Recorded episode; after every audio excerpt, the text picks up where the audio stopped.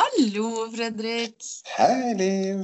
Hei, nå ser jeg deg gjennom et bitte lite iPad-kamera igjen. Å, men vet du hva? Snart er det siste gangen vi gjør sånn her Skype-innspilling. Ja, Jeg gleder meg sånn til å drikke te hjemme hos deg igjen. ja, ikke sant. Rett og slett treffes så fysisk i samme rom. Det blir godt. Nå er det så varmt, så kanskje vi bytter ut teen med en pils. Åh, jeg har aldri drukket på jobb før, men en gang må jo være den første. Tror du meg hvis jeg sier at jeg aldri har drukket på jobb? Nei, Nei. det tror jeg det. Hei, forresten, kjære lytter. Her er en podkasten Snortalk, og det er Fredrik Persson og Liv og Jokenhaug, to venner fra Bodø, som skravler. Og skal holde på å skravle en times tid om hotell, som er dagens tema. Ja, vi skal prate om hotell. Ja, Men du, kan vi først skyte inn at eh, gud, hvor skuffa jeg er over Chartersveien. Ja, vet du hva? Vi har jo snakka om flere ganger hvor vi syns at Chartersveien er litt framstår som en ordentlig ordentlig trivelig fyr. Vet du hva? Nå framstår han bare som en ordentlig ordentlig dum fyr. Jeg, nå, nå er Chartersveien ute av min eh, liste over de jeg kunne tenke meg å tatt en øl med. Sier du det? Nei, jeg, jeg, jeg tror fremdeles han er en fin fyr, altså. Det er bare at visse Nei. ting kan vi ikke diskutere. Nei, vet du hva, jeg gidder ikke. Og vet du hva, Liv, når, når det er sånn at de store helsediskusjonene, de store Altså, de sjelesettende diskusjonene vi skal ha i det landet her, skal tas av Chartersvein, Charterhilde og Lotepus. Da kjenner jeg at, vet du hva, denne verden her, den vil jeg faen ikke leve i. Altså, nå var ikke det noen sånn suicidal eh, proklamasjon, men, men, men vet du hva, det får være nok nå. Mm. Nå får de her jævla influenserne og selvutropte reality-kjendisene ta seg en bolle og holde kjeft. Enten de, de spretter i Lykra på TV 2, eller de sprenger ting på ja, også TV 2. Det er bare TV 2 som lager de her jævla kjendisene. Oi, Mm. det var kraftig! Ja. Med den skikkelige kraftsalven der, så ønsker vi velkommen til dagens Snortalk. Og aller først må vi jo kjøre jingle. Vær så god.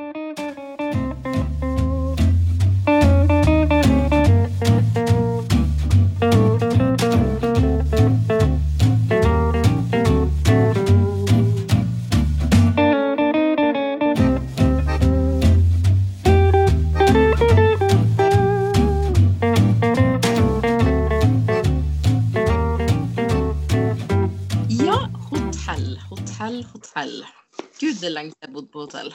Ja, ikke jeg. Jeg bodde på hotell i påsken. Å, deilig. Fortell. Nei, vi, vi skulle egentlig så Normalt sett så feirer vi jo påske med masse folk og masse venner. Det ble jo ikke sånn i år. Um, så bare for å gi unga litt miljøforandring fra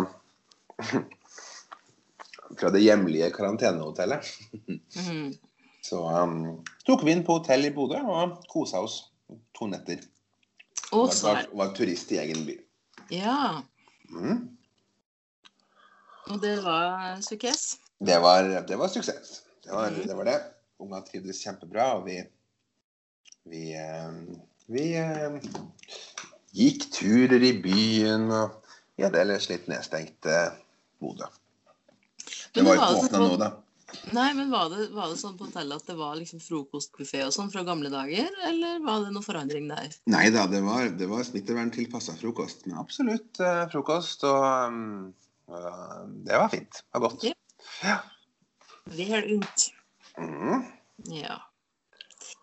Det er så lenge siden jeg bodd på hotell at jeg nesten ikke husker hvordan det er, men jeg, jeg må kjenne at jeg gleder meg til neste opphold.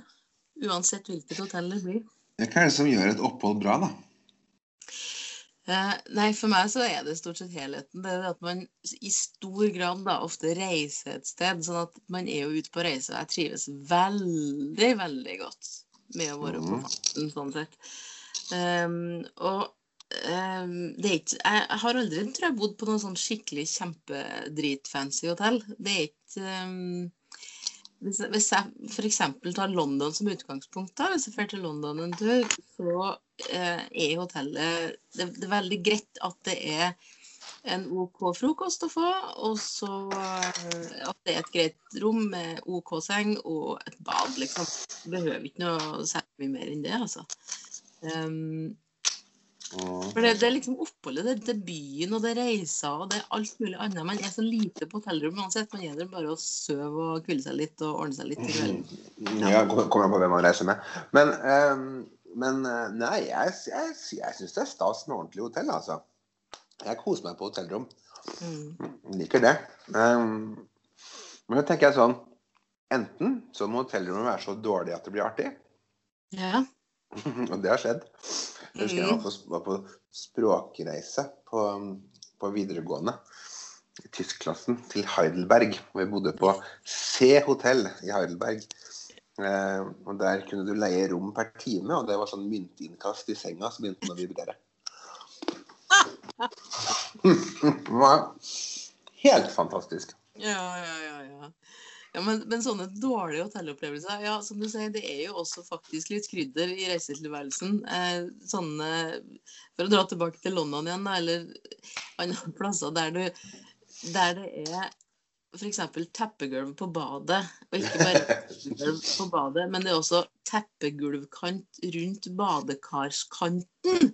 Ja. Sånn at du skal da ta et bad og hvile hodet der all, altså 1000 personer også har hatt hodet sitt. Altså det, var, det var så ufattelig heslig at jeg har ikke ord. Det levde så mye dyr i det teppegulvet der. Og Det- teppegulvet rundt do og ja.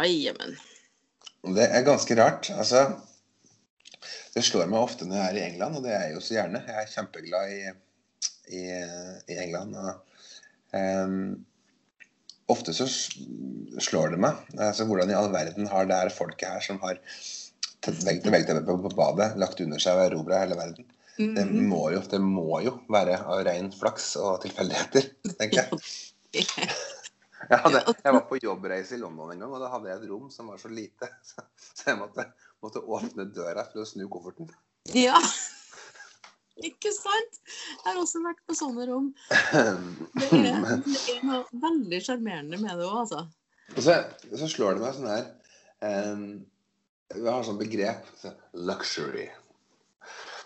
Og jeg, og jeg må innrømme at jeg i den grad jeg ser på reality-TV og sånn, så liker jeg jo de her eh, seriene hvor det kommer folk og kjefter på folk som ikke får til noe. Altså type Hotell Hell og sånn. Ja. Og Det slår meg jo alltid folks definisjon av luksus. For at på det her hotellet, da, det her var ganske mange år siden jeg var der, så var det sånn utrolig stiff upper lip. De, de bordserverte til frokosten i ja, en slitt smoking med hull i. og det var liksom, Men luxury var det. Å, De har sånn fokus på noe helt annet enn det vi har. Um, men så har jeg skjønt at det er et begrep, da, Scandinavian standard, når du kommer til hotell. Mm. Vi er, litt, vi er nok litt bortskjemt. Ja. Vi er bortskjemt, altså. Vi, vi har de fineste standardrommene, og vi har de beste frokostene i Skandinavia. Akkurat. For, for eh, på hotell sånn så er jeg egentlig ikke kravstor i det hele tatt. Jeg synes det er altså, et par toast med litt smør på og litt halvdårlig syltetøy og en kopp te. Det er heller for meg. Da kan jeg gå rundt i byen noen timer på det. Men jeg syns jo det er helt fabelaktig når de har lagt på litt mer, og det er snakk om egg og bacon og små sånne miniatyrpølser og eh, Ja. sånne baked beans og Å, vet du hva? Å komme i en frokostsal der det er eget vaffeljern som står varmt, det syns jeg er stas fremdeles, Mm. altså. Ja. Vi har et hotell vi pleier å være på i Nottingham, jeg og noen venner. Som er et sånt hotell som tror jeg koster 400 kroner natta, Ja, det er en seng og en dusj med dårlig Mhm. trøkk. Uh, der er det ikke så viktig for meg å få frokost, for frokosten den drikker vi på puben ved siden av resten. Men da er det liksom godt å gå bare rett ut, vær midt i byen, gå inn på en pub og bestille seg en, eh, toast og en omelett. Jeg hæler jo ikke engelsk frokost. I'm full oh, Nei, gjør du ikke det? Nei. Det var sjokkerende. Jeg er ikke noe sånn særlig glad i frokost i utgangspunktet. Nei. Lunsj derimot. Ja, OK. Nei, men jeg er heller ikke noe særlig frokostmenneske. Jeg, kan, jeg, jeg deler for meg med ett og et halvt knekkebrød med nøkkelost, og så er jeg veldig fornøyd i mange timer framover. Men akkurat når jeg bor på hotell, så er det så stas å liksom forsyne seg. Og så elsker jeg den der følelsen av når du da har spist f.eks. egg og bacon, og så tomatbønner, og laga sånn salig blanding med kliss-klass på tallerkenen, og så reiser man seg, og så går man en tur til. Men sett igjen tallerkenen sin. Og når man da kommer tilbake med en tallerken med f.eks. pannekaker og nyrørt jordbærsyltetøy, så er den gamle tallerkenen fjerna. Mm, Ja. Og det og det er Ja. litt sånn oppmerksomme eh, kjøkkenpersonale liksom, som går og skjenker kaffe og liksom sørger for at folk har det bra. Nei, det syns jeg er stas, altså. Mm. Ja. Eh, og så er det jo forskjellige måter da å få frokost på. Jeg har i forbindelse med jobb iblant bort på noe veldig veldig fancy hotell i Berlin. Eh, der det er bordservering. Altså man kommer bort med ditt eget fat med brød, ditt eget altså Og du må forholde deg til denne servitøren hele tida. Uansett hva du skal ha. Og da, Det, og da det, det, det, her- det, sånn. ja, det her er det ikke. Nei. Unnskyld. jeg avbrøt. Ja, nei, det, det klarer jeg ikke. Jeg, må, jeg, må, jeg vil ha, jeg vil ha buffé. Mm. Eh, aller helst. Og jeg kan godt snakke med noen én gang, men, men så vil jeg være i fred og alene. Jeg klarer ikke å drive og være sosial med folk til frokost. Ja, men, og sånn er det også med meg i en klesbutikk. Hvis servicen blir for bra, Mm. som man gjerne blir i England, Mm. da går jeg, um, går jeg bare ut. Ja. Jeg klarer det ikke. Rett og slett. Nei. Man vil være litt i fred og vil ha litt space. Jeg, jeg kjenner til den der. Mm. Ja. Jeg, noe, noe av det jeg syns er koseligst med å være på hotell hvis man reiser sammen med flere Eller jeg reiser jo stort sett veldig sjelden alene, da, men uansett. Kom ned sånne eh, kvarter, 20 minutter før de andre. Sett meg med et bord, få servert kaffe, og så og trenger bare liksom ja, en kopp kaffe eller en kopp te eller et eller annet sånt, og så skriv et par postkort. Vi snakka om det på forrige podkast. Yeah. Men liksom få ned et par postkort der, og så bare være helt i ro og fred. Og det er liksom det eneste man hører, det er litt sånn klirring av bestikk og noen få lavmælte som begynner å vokte over sin egen kaffe og sånn. Og så, så kan man liksom begynne å så man opparbeider seg en viss sult også, for man sitter jo og kjenner på duften av croissanter mens man da sitter bare og drikker kaffe. Ja, jeg skulle ønske jeg klarte å liksom gafle inn på skikkelig til en frokost, for det er jo så mye godt, eh, som regel. Eh, men de gangene jeg faktisk blir spinnvilt frokostsulten, Ja. det er når de har lun leverpostei. Altså eh, varm leverpostei. Det gjør deg spinnvill. Ja, vet du hva, da det, det, det er noe av det beste jeg vet. Men spiser du da på brødskive eller sånt, eller har du det for Gjerne på et stykke rugebrød. Å, OK. Vi har en sånn liten dansk tilnærming, altså. Mm, og litt brønnkarse eller noe sånt på toppen der. Og litt så, wow. Sylteagurk i biter som jeg gjerne hakker opp sjøl med kjøkkenkniven min. Åh, Da snakker vi. Da snakker vi frokost. Tilbake til, til London. Nå bare, jeg bare kom på Å, nå fikk jeg altså så lyst til å ta inn på hotellet. Men i hvert fall eh, den, Og nå kommer et jagerfly over huset her, så nå kan jeg slå inn på mikrofon. Eh, sånn er det i Bodø, kjære lytter. Flybyen Bodø. Men altså eh, Det jeg ikke forstår med engelske, gjerne, eller britiske hotell, det er når de driver og støvsuger rundt omkring ute i gangene på teppegulvene. Og så tar de på et slags sånn pulver. Det er sånn ekstremt parfymert sånn antimugg-pulvergreier. Til og med det savner jeg. Altså lukta av det, som egentlig er ganske stram og ekkel, men allikevel så er det et eller annet veldig hotell og frihet med det. Jeg kan ikke helt får ikke forklare det helt. Men, men hvis du skjønner hva jeg mener? Dere, dere de har utover som bare Ja. Ja. ja. Jeg skjønner at de må ha sånne antimugg-greier, for det er, det er jo mye væsker i omløpet. Nei, uff da, det ble ekkelt å si væsker i omløp, men uansett. Det må på. Og så er det klart de må liksom dekke til at det kanskje er litt gammelt og slitent, og så, og så gjør de sånn som de gjorde i, i Frankrikes aristokrati før i tida, når de liksom bæsja bak gardinene og så videre, så ja, overdøvde med parfyme. Litt parfyme der, ja. Ja. Ja da, det tror jeg. Akkurat det er faktisk ganske ekkelt å tenke på. Det er sånn som jeg ikke vil tenke på når jeg tar inn på hotell. Hvem som har bodd der før, og hva de har gjort. Ja, det, man må jo ta høyde for at folk har hatt seg i senga du ligger i. Ja, ja, ja. Og ikke bare det, men også i stolen man eventuelt slenger seg ned på. Og jeg husker det var et sånt program for ja, syns jeg med FBI på NRK eller sånn, som tok inn på hotell, og som tok De fikk et vanlig rent og pent rom på et pent hotell, sikkert Plaza eller noe sånt. Og så gikk de med en sånn derre fluoriserende lysgreier ikke sant? og fant så mye snørr og sæd og Nei, det var rolig ekkelt, altså. På veggene og ved lamper der man slukker Altså, nei, nei. nei, nei. Så, sånt skal vi ikke tenke på. Nei. Men til hotellenes forsvar, da. Det er sånn at jeg tror selv om du sender et laken til til rens så vil du få altså, Det vil gi utslag på de lampene. Det vet jeg ikke. Nå bare sitter jeg og fabulerer. Jeg, har, jeg har veldig stor tillit til et hotell som sender ting på renseriet, at det er rent. Ja, det, ja, det tenker jeg. Ja. Og så er det Jeg kommer veldig tilbake til England, men eh, før i tida, så, før de begynte med dyna Nå har de jo det. Duvei på, på britiske hotell, men sånne laken med pledd oppå.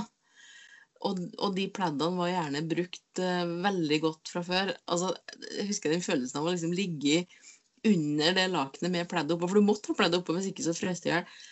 Og så var det sånn at hvis, hvis så mye som ei tå kom borti det pleddet, det var som lava, altså må bare for all del ikke komme borti det i det hele tatt. Eh, men jeg tror ikke at det er så veldig mye sånt lenger. Altså, nå har de gått bort fra, fra det også til fordel for dyne og dynetrekk, som jo er absolutt å foretrekke. Jeg husker første gang jeg var i Syden med foreldrene mine, så kunne jeg ikke forstå det her lakensystemet. For det var liksom et spent, lite, lite laken over madrassen. og Det var dyna. Ja. Men det funker i Syden, da. Ja, vet ikke jeg. Det klis- klistrer seg til kroppen. Vet du hva? I 1990 så dro familien Okkenhaug til Syden for første gang. Da var vi to uker på Kreta. Det var liksom aller, aller første sydentur, og det var, sånn, det var enormt stort, altså. Uh, og da uh, bodde vi på uh, en sånn hotelleilighet i to uker. Og det var sånn at um, ene broren min han gikk og henta seg ei bøtte vann før han la seg, og så, og så tok han og helt på senga for å få liksom sengetøyet veldig veldig vått. Og så kunne vi ikke ha vinduene eller dørene åpne, for da kom det så mye mygg inn, så vi måtte ha liksom det igjen. Og vi lå altså i 14 dager og svetta og pesa, og det gikk, eh, men vi sov skrekkelig dårlig alle sammen. Og så den dagen vi skulle reise, så sa min lillebror Pappa, hva er det her for noe? Og så trykte han på en knapp, og det var aircondition. Ja. Da sto vi med koffertene i gangen og venta på turistbussen som skulle ta oss til flyplassen. Og der liksom hører vi Og så settes aircondition i gang, og plutselig så ble rommet deilig og svalt. og. Vi hadde ikke rett og slett ikke forstått det. Nordmenn på tur. Ja, nordmenn på tur. Sånn skal det være. Ja. Uh, eh, vet du hva jeg alltid har drømt om? Jeg har jo jeg har aldri vært i USA. Nei. Eh, og det har i hvert fall ikke de siste fire årene vært noe særlig mål å komme seg dit heller. Men nå begynner det jo å demre litt igjen. Eh, sånn der ordentlig amerikansk motell. Med Ok, to mo- se motel med to Ja. senger og en TV. Det har jeg lyst til å sove på en gang. Ja. Sånn seriemordermotell. Ja, ja, ja, ja, ja. Det har jeg aldri sovet på. Jeg har vært i Uniten. Jeg aldri- jeg har sovet på motell, men det tror jeg var i Sverige. Skrekkelig dårlige greier eh, på en eller annen plass på 80-tallet. Da, var- da husker jeg vi tok inn på hotell, og så sa jeg, sa jeg hvordan hotell er det her? Og så sa jeg nei, nei, det her er ikke hotell, det er motell. Det var litt stas i navnet, men det var ikke så veldig stas ellers, husker jeg. Det var en meter noe sånt. Motorhotel. Ja, men det er jo altså, det er sjarmerende da med det. Ja. Jeg tror fort det er sånn. Ja, det er sjarmerende. Og um, bare apropos hotellfrokost, skal jeg fortelle deg en, en liten hemmelighet. Altså en liten mm. oppskrift for å takle en skikkelig stor, fin frokost på hotell. Nå har jeg aldri reist på forretningsreise. Eh, eller jobbreise på hotell. sånn at jeg, jeg kjenner ikke til det å stå opp og så skal gå rett på en konferanse eller noe sånt. Men når man da tar inn på hotell og har en god, god deilig frokost, gjerne med min absolutte svakhet hva gjelder hotell, og det er nemlig slutt av hele herligheten med en svær croissant som du snur liksom opp ned, og så har du smør under og sylte Mhm. Vet du hva? Det er så godt. Og det er jo ekstreme mengder deilige kalorier i det. Og det er Mhm. altså så herlig. Så tar du med deg en kopp kaffe opp på hotellrommet, sånn liksom får avslutta. Og så tar du deg en frokosthvil. Det høres forferdelig herlig ut. Jeg, Ja, vet du hva? Åh, det er så deilig. mm, frokosthvil. Det er og slett sove. Ja. Mm. Tror du det er sånn å være sånn eh, eh, altså, Bo på typ sånn Downton Abbey og sånt. Da gjør man det. Står opp, spiser frokost, har frokost, hvil. Har lunsj, lunsjhvil. Eh, det tror ikke jeg de har tida til før i tida, men man kan jo gjerne tro det. Jeg, men jeg gjør det altså ofte på hotell. For det er jeg meg å da være veldig veldig klar for dagen etterpå. når man våkner. Men man må ikke sove så tungt at man virkelig storsover, for da blir det bare veldig tungt å våkne. Eh, og så blir man litt sånn trasig i ulaget. Men en sånn liten dupp etterpå, liksom strekke seg litt godt i senga, og så det halvtimes tid, nei, det er deilig, altså. Mm. Det, finnes jo, ja, det finnes jo mange legendariske hotell, da. Raffles Hotel i Singapore har jeg hørt der. Mm, Fant de på den der drinken som het Singapore Sling, var det ikke sånn? det stemmer. Ja. Waldorf Astoria i New York fant de opp det som da heter Waldorf-salat. Vet du, Der har jeg faktisk vært, men jeg har- ikke bodd der. Men jeg har bare gått inn der og kikka på den enorme blomsteroppsatsen som sto der, som er den største jeg noen har sett i mitt liv, og så gikk jeg ut igjen. Men jeg har altså vært der. Ikke sant. Ja. Men ellers eh, Jeg har ikke vært på sånne, sånn, på sånne hotell som har sånne svære blomsteroppsatser. Altså der du, der du liksom setter en pianospiller i foajeen når du kommer inn osv. Jeg, jeg kan ikke komme på at jeg noen gang har vært på sånne Har du det? På sånne fancy, fancy hotell? Ja. Ja, jeg har det et par ganger med jobb. Det er jo sånn at eh, det er ofte ikke så dyrt som man tror. Eh, vi var en gang vi var i, i Berlin. Da bodde vi på et veldig fint hotell. Og da hadde jeg den opplevelsen som man ser amerikanere ha på film, når du går inn på et hotellrom og åpner dør etter dør etter dør etter dør. Oi, oi, oi. oi. Ja. ja. Um, det var, det var men, men da blir det litt for fancy for meg igjen. OK. Ja, for Da blir det sånn at det kommer folk og skal snakke med deg til frokost. Du, må- du, du, liksom- du, du må ta, ta stilling til ting klokka åtte om morgenen. Det, Ja. det, det er ikke jeg noe særlig god på. Mm. Ehm, men ehm, ellers så Nei, jeg har ikke for vane å gjøre det, altså. Nei. Nei, det er av og til. Jeg og Nette tok inn på et hotell en gang i, i Am- Nette, det er da min kjæreste. Vi tok inn på hotell en gang i Amsterdam. Eh, Da har vi tatt tog fra Berlin til Amsterdam. og så fant vi fram til hotellet, og så gikk jeg ut på verandaen der fordi at det var en sånn nydelig bakgård, og så hørte jeg svart sang, og det var altså så godt å endelig få komme fram, altså bort fra livets kjas og mas, som man sier. Mm. Men det var liksom lite trafikk og alt mulig, og plutselig så var vi i en, hadde en deilig bakgård. Og så sa jeg til Anette at det er altså så fint i den lille bakgården her. Det er små stoler, det går, går an å sette seg og sånn. Og så, så sa jeg at det sitter bare én mann ute her eh, og leser etter men ellers er det helt fredelig og stille. Og så sa han at det er norsk. Og så sa han nei, det tror ikke jeg, vet ikke. Og så sier han dette. Ta Gå ut på verandaen og rop 'fettjævel' og se om han reagerer.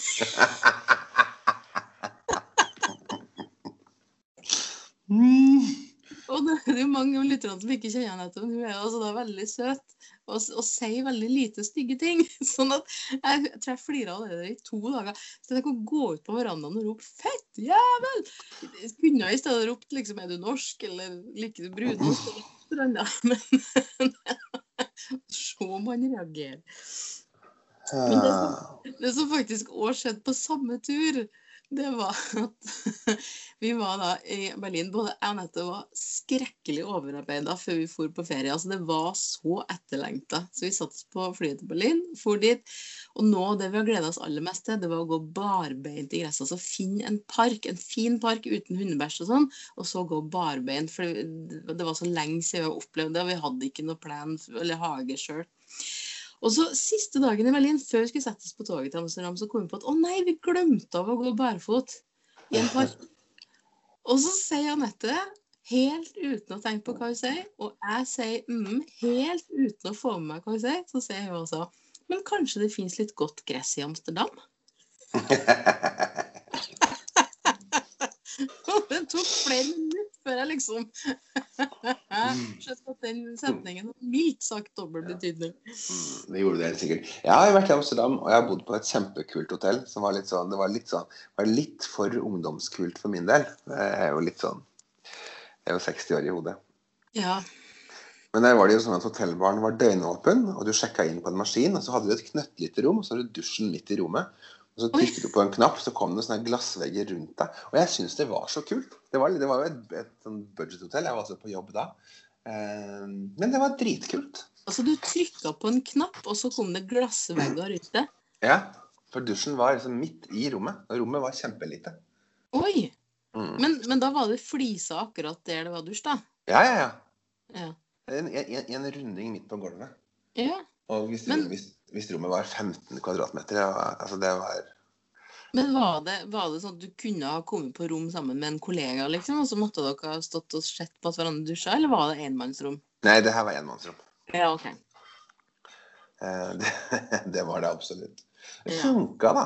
Altså, jeg tenker Når det er rent, og når det er liksom ja, stilig Det var stilig, Mm. selv om det var litt sånn. Eh, For det er jo sant. Det er jo tull å bruke voldsomme mengder med penger på hotellrom når man skal oppleve en by. Ja, egentlig så er det det, altså. Det, Men, men samtidig, hvis man er på jobb og er mer enn type to dager, så er det greit å ha et ok sted å være når man ikke jobber. ja, Altså hente seg litt inn. ja. Eh, men eh, Men eh, har du noen sånne ordentlige sånn Faulty Towers-opplevelser? oi, oi, oi. Ja, det har jeg nok garantert. Eh, Jeg har ikke hatt denne opplevelsen sjøl, men eh, min kusine var på jobbreise en gang og fortalte eh, aldeles gapskrattende etterpå om sin sjef, som etter en fuktig aften, for å si det sånn, bare skulle på do en tur på hotellrommet sitt, og plutselig så står han på gangen. Aldeles splitter naken, har tatt feil dør og sto altså i, i gangen klokka fire på natta. Eh, og så var han jo nødt til å komme seg ned til resepsjonen da, fra 11. etasje. Aldeles naken. Og det han gjorde, var at han for, for, to- tok heisen ned til underetasjen. Det liksom, De har litt sånn lager og alt mulig sånn. Der fant han da endelig ei dyne. Så liksom fikk pakka dyna rundt seg, og så opp i resepsjonen og få ekstranøkkel, og så opp til rommet sitt igjen, da. Det var til frokosten dagen etterpå. Eh, jeg har ingen sånne idiotiske Men jeg, jeg tror jeg vel har satt meg fast i en heis Nei, jeg har ikke engang spydd! Midt i matsalen. Det har du gjort. Ja, veldig gjerne. Det gjorde jeg på Røros turisthotell i 1984. Å ja. Eh, ja. Men det var ille nok, det. Selv om jeg var ni år, så var det utrolig ydmykende å plutselig kjenne at nå er det et eller annet som går veldig galt. Og så klarer jeg å signalisere til mamma at jeg tror kanskje jeg må kaste opp. Og så sa jeg ja, nei, men da går vi. Da går vi, skal vi gå finne en vei. Og så gikk jeg, og akkurat idet jeg var kommet midt i salen, så kjente jeg at nå må jeg ha albuerom. Og så begynte jeg å prosjektilspy, altså. Um, Og så kom mamma og ga meg djuptallerkener og sånn. Fra en, ja, for i hele tatt prøve å samle opp. Det kom altså også kjøkkenpersonale og ga meg djuptallerkener for å spy mer i. og sånn. Stakkar. Ja, det var ikke noe gøy. Men greia var det at vi, hadde på, vi var på vinterferie, og så hadde vi gått på kjempelang skitur. Og så hadde mamma og pappa fått beskjed om at det var en veldig fin løype for små barn.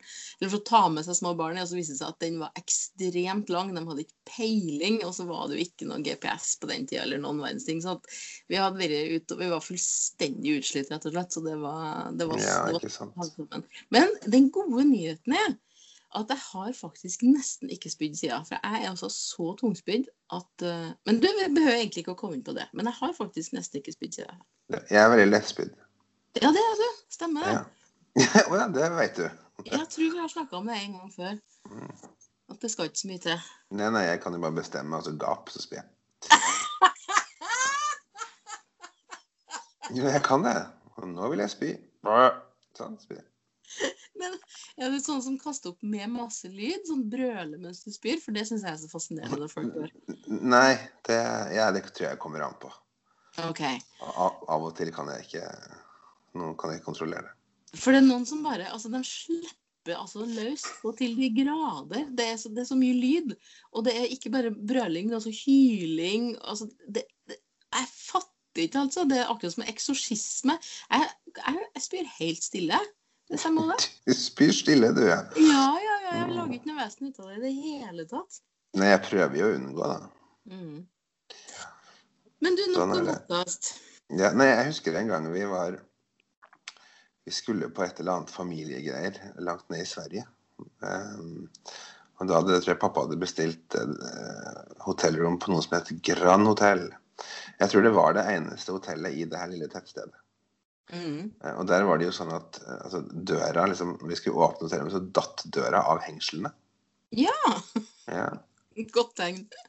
Og så, var det, altså, så skulle vi se på TV, men, men TV-en den funka ikke. Men det gjorde ingenting, viste det seg. For at vi hadde vinduet, vi hadde sånn familierom. Vi hadde vinduet ut mot det som da tydeligvis var den lokale plata. Så vi hadde underholdning absolutt hele, hele natta. Nei, så festlig. Mm. Ikke sant? Em, til sommeren nå så skal jeg og Katrine pusse opp eh, soverommet vårt og barna sine. Ja. Da har vi Jeg tror vi har blitt enige om Eller jeg har blitt enige om, jeg vet ikke, jeg er litt usikker. Jeg tror vi er enige om at vi skal prøve å lage oss et sånn type hotellrom. Med en sånn liten eh, sittegruppe i hjørnet og litt sånn. Og så en dusj midt i rommet. Nei, nei da. Nei da. Men liksom vi skal lage liksom, få litt sånn hotellromfølelsen. Akkurat. Ja. Det er jo selvfølgelig fordi at vi bor jo i en leilighet på ja, 115-20 kvadrat, og vi, vi er jo fire stykker. Og en av de er jo da 13. Sånn at eh, vi føler veldig sterkt for å ha et, eh, et plass jeg kan trekke meg tilbake til. Ja, ja, ja, ja. Men det kan man jo hvis man har en liten godstol der og litt sånn. Så, En liten leseplass og ja. et godt rom å være i. Så det skal vi, Katrine skal få lov til å tegne. Og sånn.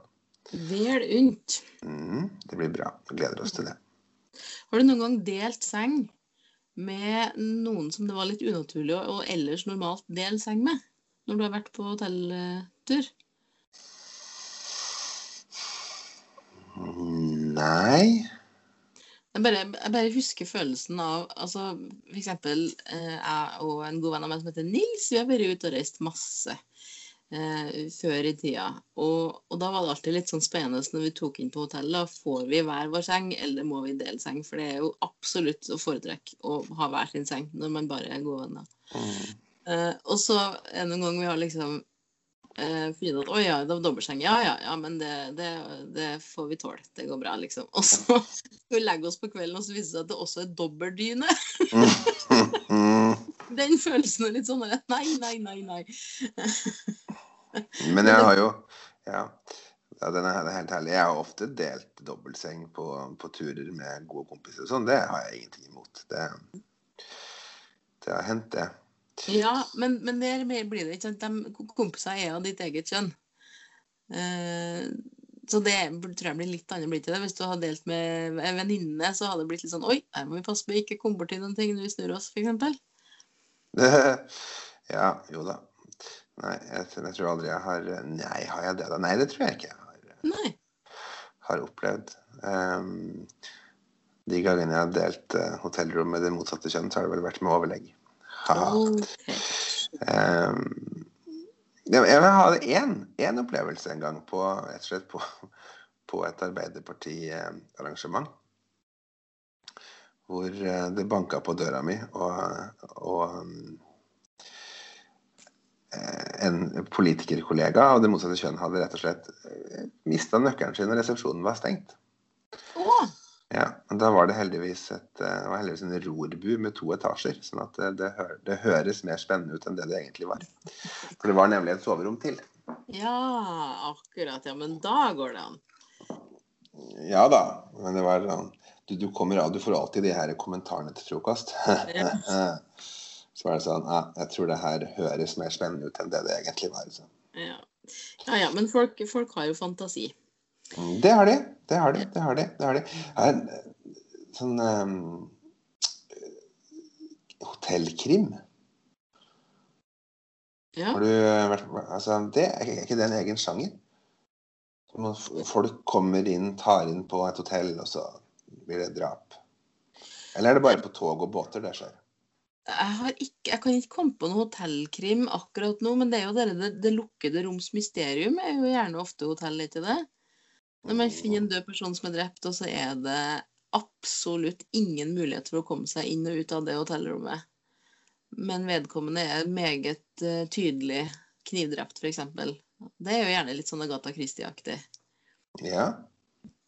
Hun satt jo for øvrig på et hotell. Da hun skrev om Orientekspressen, så satt jo hun på et hotellrom i Istanbul, tror jeg. Og det hotellrommet er jo ennå Altså, det går an å ta inn på det samme hotellrommet. Oi, oi, Jeg ikke hotellet men det kunne jeg godt ha tenkt meg å bo en gang. Ja, det hvilken forfatter er det som er kjent for å ta inn på Tårnsuiten på Gran i Oslo? Nei, det vet ikke jeg.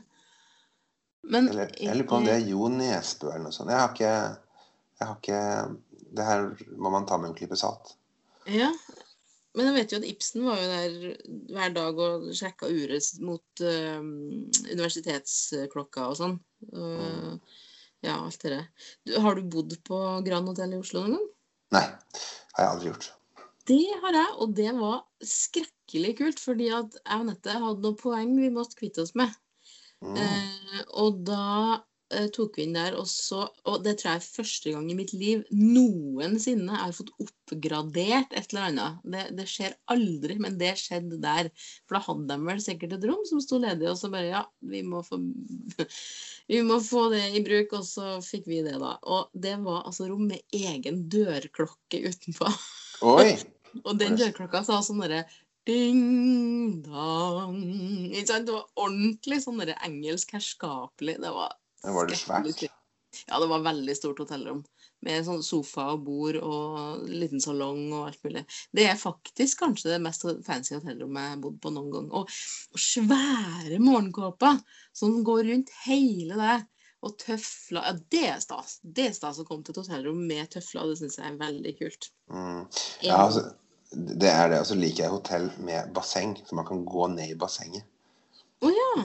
Både jeg og barna mine elsker jo å bade i vann, sånn at eh, eh, det, det er stort pre. Og det har de på det har de på det gamle SAS-hotellet i Oslo. Altså SAS, hva heter det? Scandinavia. Ja, OK.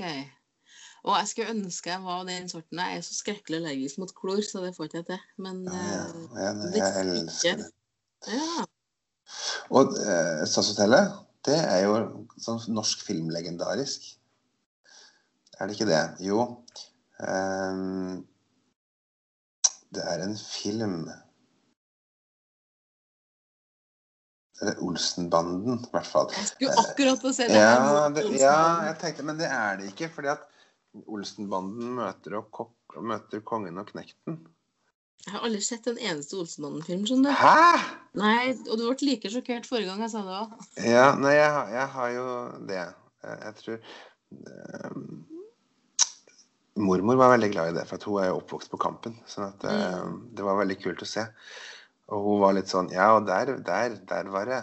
Der var den lokale kneipa, og der gikk man inn, og så ja, sa de Skal du ha deg for en femmer, så fikk du en på kjeften, da, sa de. Ehm, og der tar de jo inn på um, Grand Hotell kongen og knekten, da, som da er um, Som da er eh, Hva er det han heter? Skomaker Andersen? Å ja, Henke Kolstad. Ja. Og Frank Robert. Å ja, Frank Robert. Frank Robert. Og da synger de Derfor da har de jo, de har jo lurt penger av Egon Olsen. De har jo fått, endelig fått tak i da, en, en, eh, en koffert med millioner. Og kongen og knekten da, det er da det er forbryterkonkurrentene til Olsenbanden. Okay. Og, og da synger Frank Robert eh, skal, skal tømme Fryden, Lund og Ringnes. Ja, denne halsen her skal pinadø velsignes. Det skal renne nedi mellom her, for nå er jeg millionær. Oh, det... Det er øl han skal drikke, da. Mens, ja. mens eh, jeg tror eh, Kolstad svarer med Har du hørt noe så barbarisk?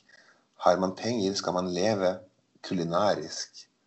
Kaviar og rype til supé. Ja, champagne må jeg be. Bedre. Nydelig. Du, jeg likte det med at liksom halsen skal velsignes. Ja, han skal velsignes fra Frydenlund og Ja. Ringnes. det er jo morsomt. Ja, det var Har du bodd på noe høyfjellshotell noen gang? Oi! Høyfjellshotell, høyfjellshotell. Jo, det må jeg jo ha gjort. Eh, jeg... Nei, jeg har bare bodd på sånne um, le... Ja, en eller annen vinterferie for 100 år siden så bodde vi på en sånn liten leilighet i Oppdal, men det var liksom Det er jo ikke akkurat kjempehøyfjellet, og det er jo ikke hotell eller sånn. Nei, jeg må faktisk si nei der. Nei, det har ikke jeg heller. Det har jeg alltid drømt om. Det er litt sånn, jeg ser for meg at det er litt sånn Agatha Christisk. Man tar inn på høyfjellshotell, og så Mm. er man der, og så, så blir det et klientell der, da. Hurumhei. Hurumhei, ja. ja. For de som husker Fjols til fjells, har vel fått Ja. sin renessanse nå, med et makkverk av en uh, TV-serie. og Ja, og det er viktig å påpeke at hotellet ikke heter Hurlumhei, men Hurumhei. Det heter Hurumhei, Ja, det er uten L. Men de fleste eh, tror det er Hurlumhei. Ja.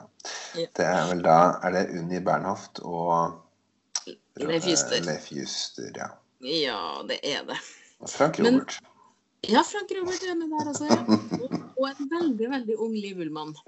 Ja, og hva er det Liv Ullmann spiller? For jeg har ofte tatt den der. Ja, visste du at det er Liv Ullmann som spiller Portieren? Og det er det jo ikke, for det er jo Unni Bernhoft. Ja. Men hva, hva, hvilke, hva er det Liv Ullmann gjør? Nei, hun bare sjekker inn på hotellet, og er meget søt og ung. Okay. Uh, Og hun har, hun har, hun har ikke så veldig Jeg tror kanskje hun sier bare to ting. Uh, så det er en veldig kort scene. Men hun er, hun er noe med og blir kreditert.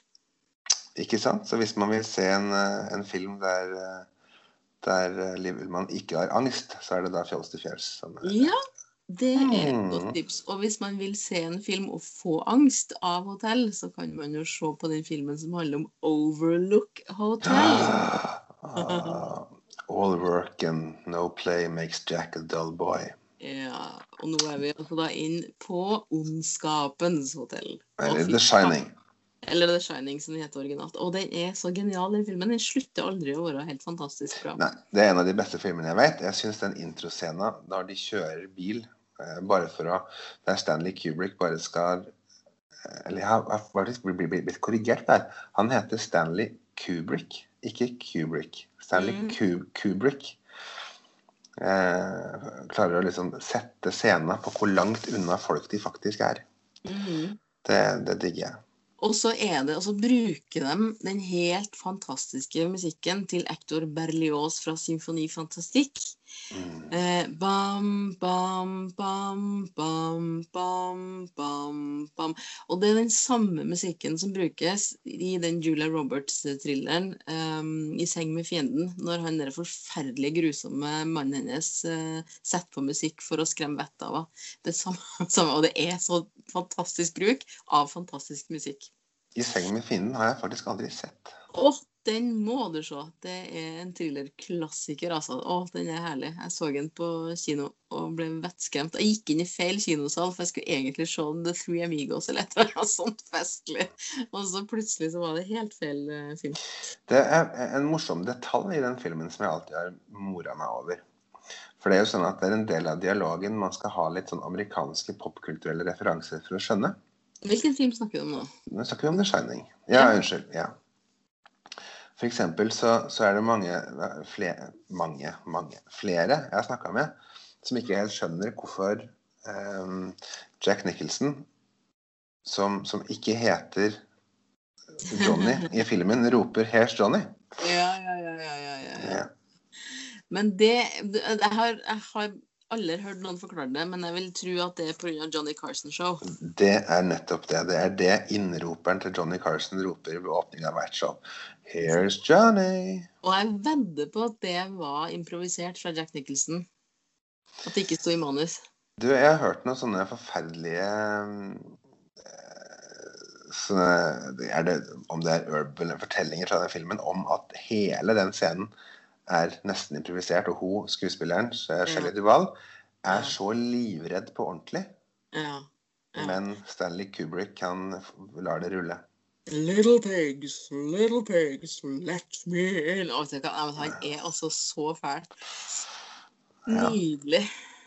Og så får man jo aldri et OK forhold til badekar i, i, med grønt rom eller med grønne Mm, fliser. mm, mm. Å, fy fader. Come play with us. I mitt hode, skjønner du, Mhm. eh, og jeg vet jo at det her ikke er sant, men i, i, mitt hode så er det det hotellet eh, James Khan har vært på når han ender opp hos Cathy Bates i filmen 'Misery'. Ja, å ja. Oi, oi, oi. Men det er jo ikke det, for det er jo et, et helt annet hotell. Ja, det er det. Men du verden, 'Misery' er en fantastisk film. Vi skulle nesten hatt en hel podkast om Cathy Bates, for hun er strålende. Eh, Absolutt, eh, men 'Misery' er for meg noe av det mest enestående Ja. Jeg veit når det gjelder, gjelder film. Man lager ikke film som før i tida lenger. Nei, man gjør ikke det. Man gjør ikke det. Men du, eh, har du noen gang spist eh, på Norges beste hotellfrokosthotell, Rika Nidelven? Nei, jeg har ikke det. Nei, det, det kan hende at det var et hotell i Lofoten, eller altså i Svolvær, som fikk tittelen etterpå. Så det kan hende at jeg ikke er helt oppdatert. Men Rika Nidelven hadde jo da flere år på rad Norges beste hotellfrokost. Og der var jeg og spiste en gang. Jeg var ikke og bodde der, men jeg tok toget til Trondheim pga. et eller annet. Og så var det da naturlig å finne et sted å spise, og det ble der. Og det var så kult! Og jeg skjønner så godt at de fikk den tittelen. Fordi at det, det, det var en helt utrolig opplevelse. Altså. Det å stå og se på egne pannekakekokker. Det å stå og, og se på altså, Eller beundre den enorme tesamovaren der, f.eks.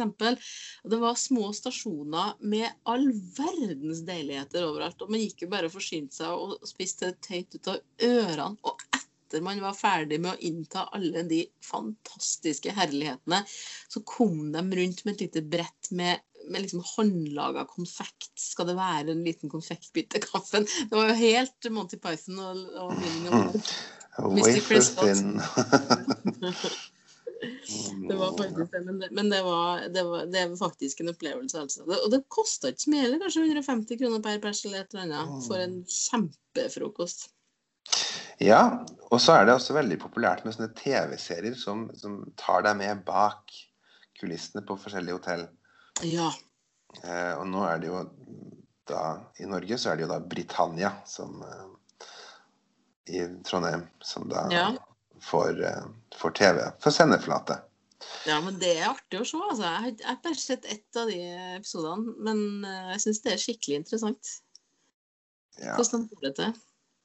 ja da. Og så blir det litt sånn der det, Kanskje jeg er litt negativ, kanskje jeg er en litt sånn negativ person. Jeg blir litt lei.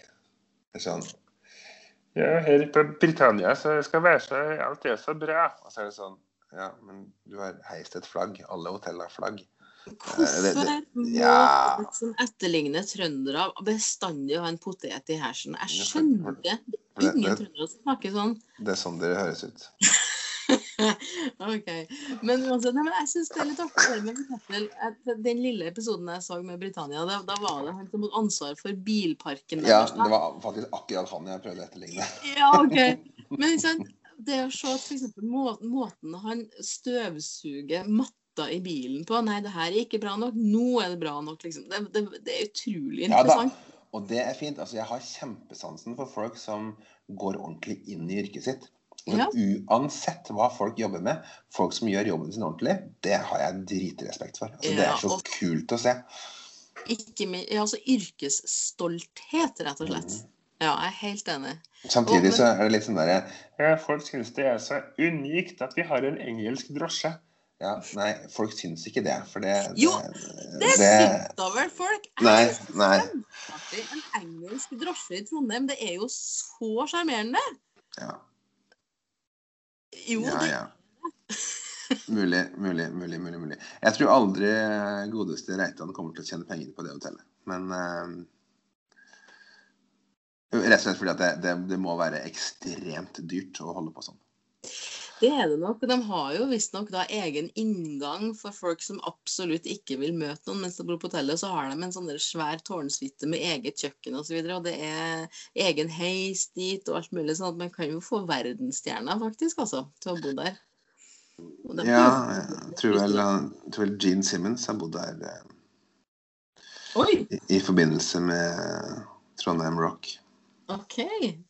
Eh, ja, og, og det, altså, at folk gjør sånn, er jo kjempekult. Det er hotell med schwung. Det, det, det er stas, det, altså. Ja, og jeg har ikke vært der mens det har vært nytt, men jeg var der da det var skikkelig gammelt og slitent, og sjøl da så var det stas å drikke te i Palmehaven, altså.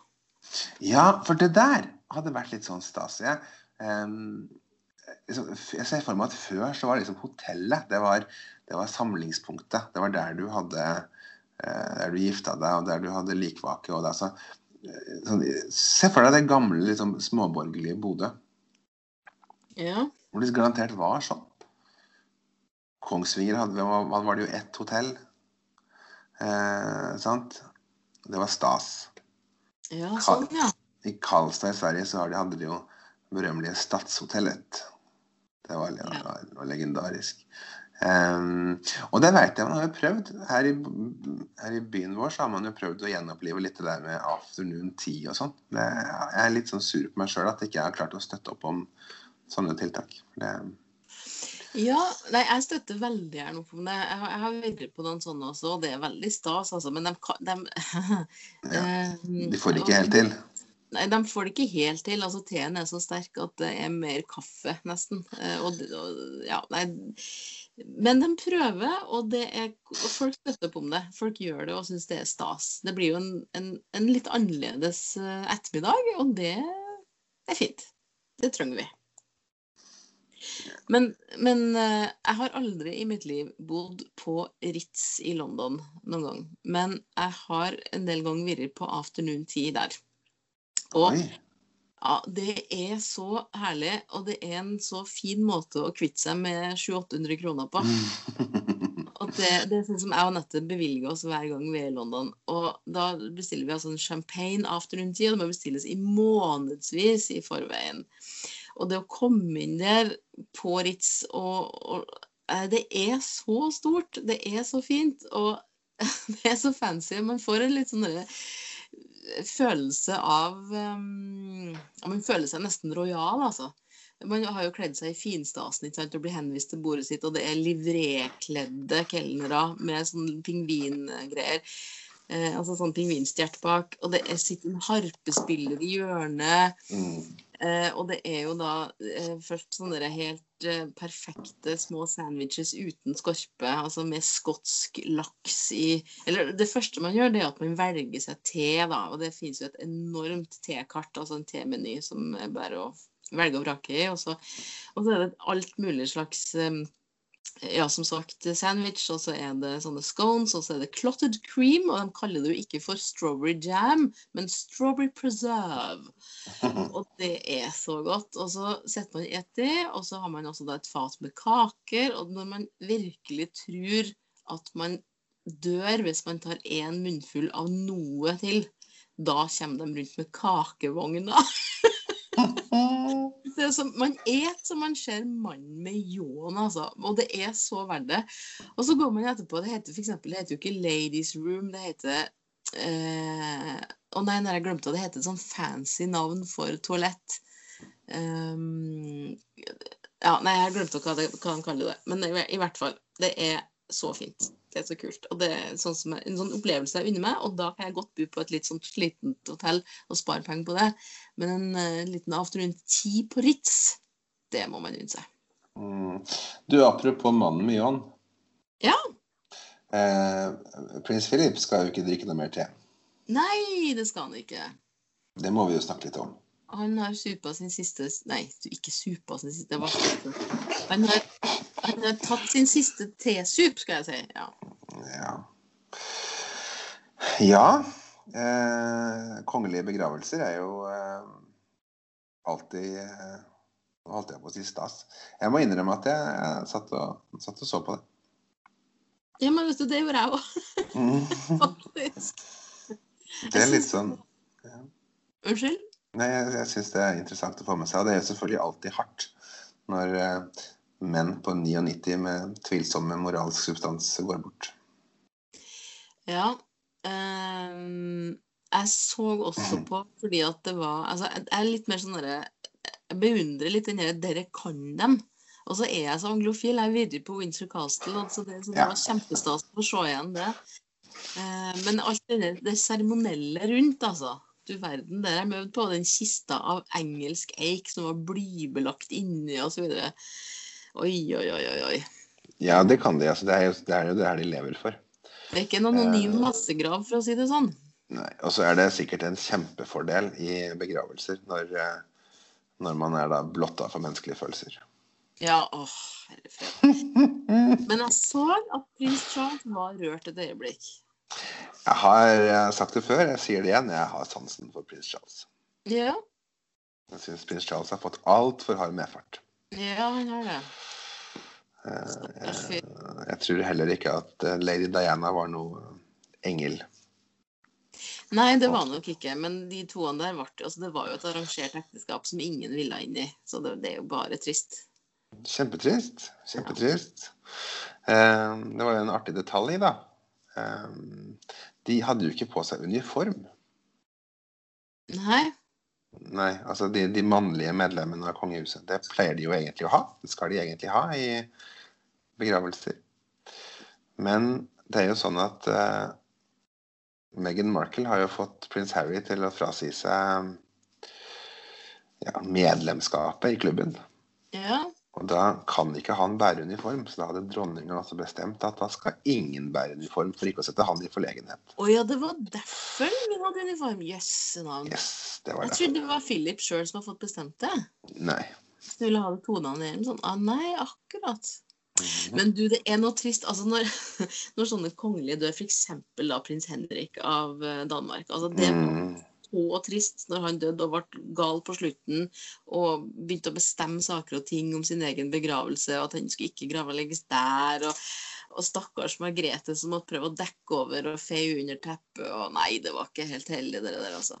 Nei, men der tror jeg store deler av dansk presse fikk seg en liten en på trynet. For at de burde ha skjønt De burde ha skjønt at mannen var gæren. Mm. Eh, så jeg synes at litt sånn på, på, på slutten der, når de publiserte alt han sa, og det her, det, det, det var ganske respektløst. Altså, mannen, Ja, var jo, var, mannen var jo stein stokk dement. ja, ja, det. Eh, det burde man ha, ha skjønt. Mm. Jeg har alltid hatt litt sansen for prins Henrik. Jeg. Vet du, jeg, jeg kjenner den ikke, men, Nei, men, nei, det gjør ikke jeg heller. men jeg, jeg skulle en gang altså, du, Han jeg fortalte om som eh, min gode reisevenn fra gamle dager, Nils. Som da er en god bar barndomsvenn fra Inderøya. Han heter egentlig Nils Henrik. Og en gang jeg skulle møte han eh, i Oslo, da, da gikk jeg på folkehøyskole på Ringerike. Og så skulle jeg ta toget til Oslo for å møte han som da var i militæret. Og så sa jeg nei, jeg skal møte Nils Henrik. Og så var det de som sa skal du møte prins Henrik? så så nært har jeg vært prins Henrik at jeg i noensinne. Uh, Henri Labor de Montpessat. Jeg har lenge prøvd å få tak i eh, vinen hans fra Chateau Cay. Cais. Ja vel. Uh, men den ble jo selvfølgelig utsolgt når han døde.